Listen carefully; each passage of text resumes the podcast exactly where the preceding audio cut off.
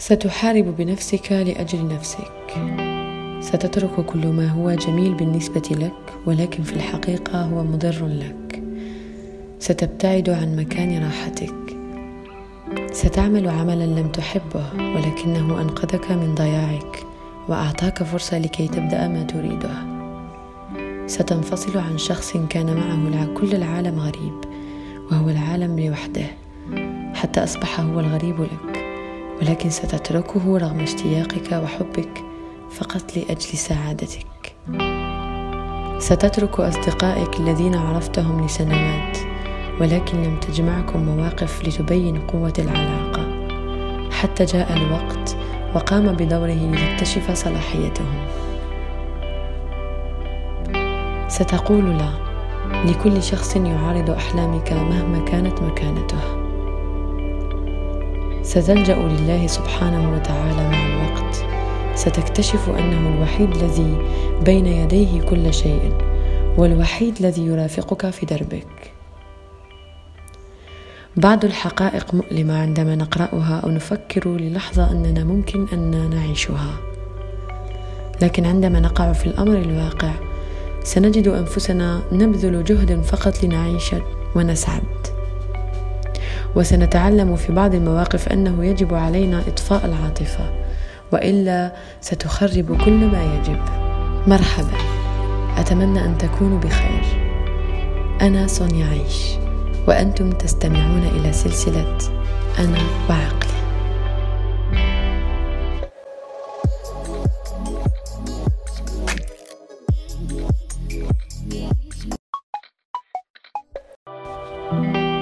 لقد تعلمت في هذه الحياة أن على الإنسان التخطيط وعلى الله سبحانه وتعالى التدبير.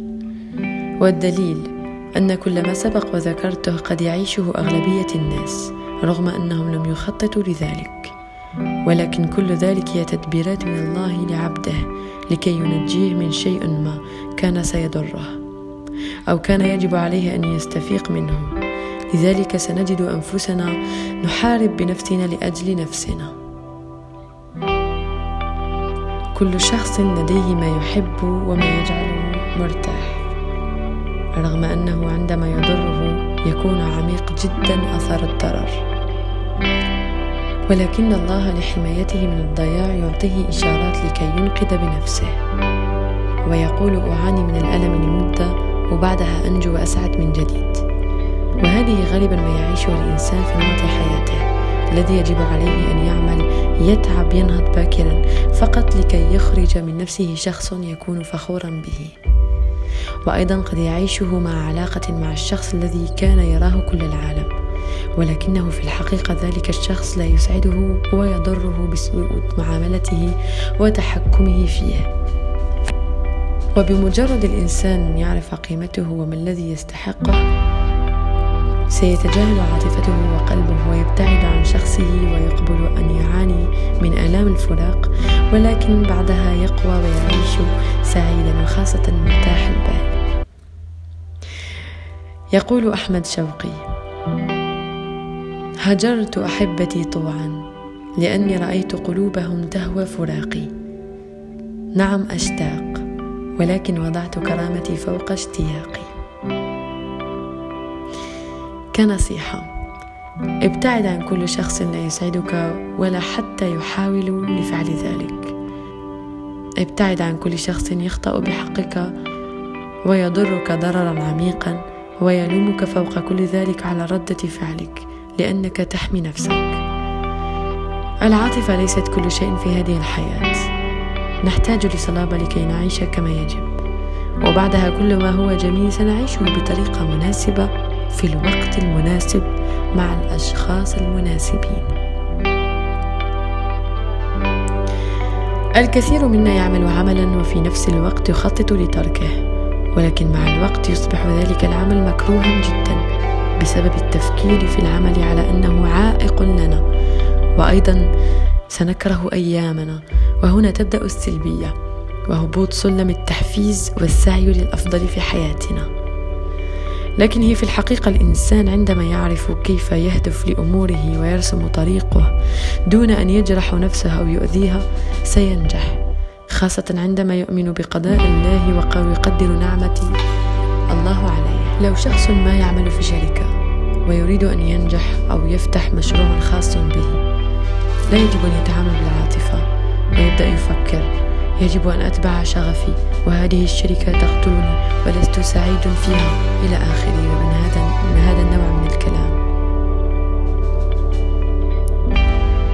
هذا التفكير يؤديه إلى الهلاك لأنه لو يتبع هذا التفكير ويتبع شغفه دون أن يخطط سيخرج من الشركة ويجد نفسه دون أي خطة لما أراد وليس لديه دخل لكي يعيش نفسه.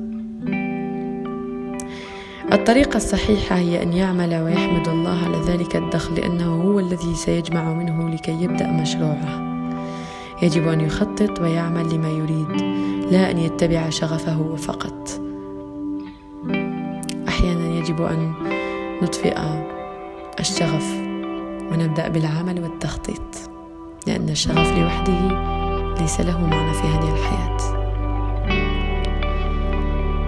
كثير منا لديه أصدقاء السنين ولكن القليل منا من لديه أصدقاء المواقف. مرة واحدة كتب لدي صديق جمعتنا خمسة مصائب وستة مواقف وعشرة لحظات سيئة. قالوا له أخبرنا كم من سنة تعرفه.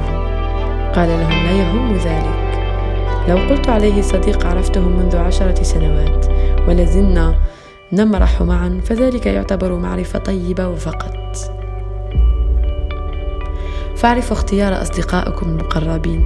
وصدق من قال أن علاقة حب أو صداقة. إذا لم تكن فيها مصلحة ليست علاقة. فقالوا له كيف هذا مصلحة؟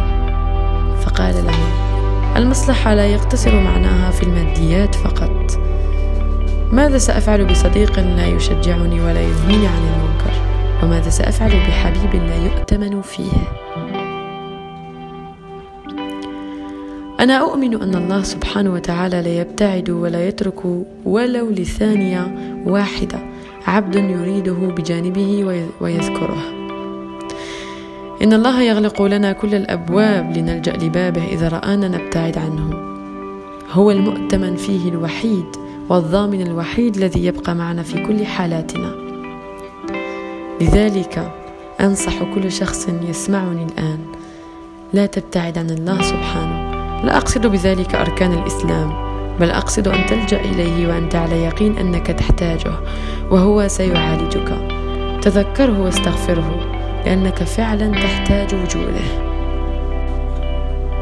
شخصيا أصبحت أرى الحياة شيء مؤقت ولا أعلم متى تكون نهايتي فيها. الخميس الماضي وقع لي حادث سيارة والذي كان من بين أبشع الأحاسيس التي عشتها لحد الآن. ولكن الحمد لله على نور البصيرة. أنا أراه شيء إيجابي من عند الله وإشارة إلهية لكي أعرف قيمتي أكثر. الحمد لله على كل حال. نصيحتي سأختم بها. هذا البودكاست. ليست نصيحة واحدة ولكنها نصائح. إنها بعض النقاط. لا أحد في هذه الحياة يستحق لطفكم الزائد وحنيتكم وحبكم لو لا يبادلكم بنفس الشيء.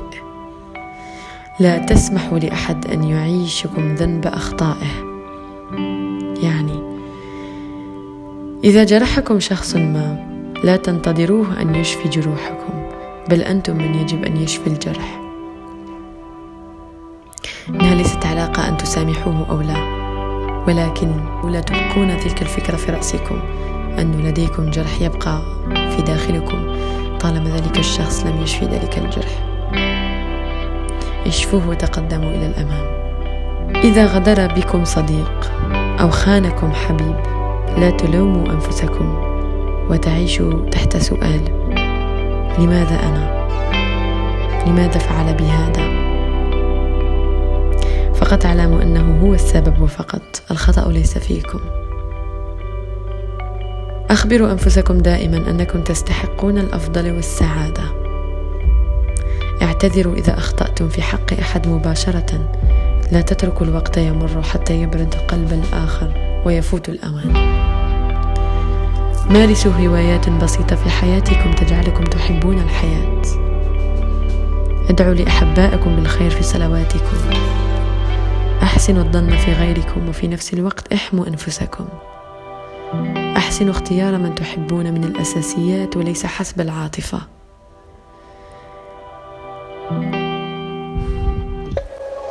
وصلنا إلى نهاية البودكاست. أتمنى أن تكونوا استمتعتم واستفدتم بشيء من هذه الحلقة. شكرا لاستماعكم. سلام.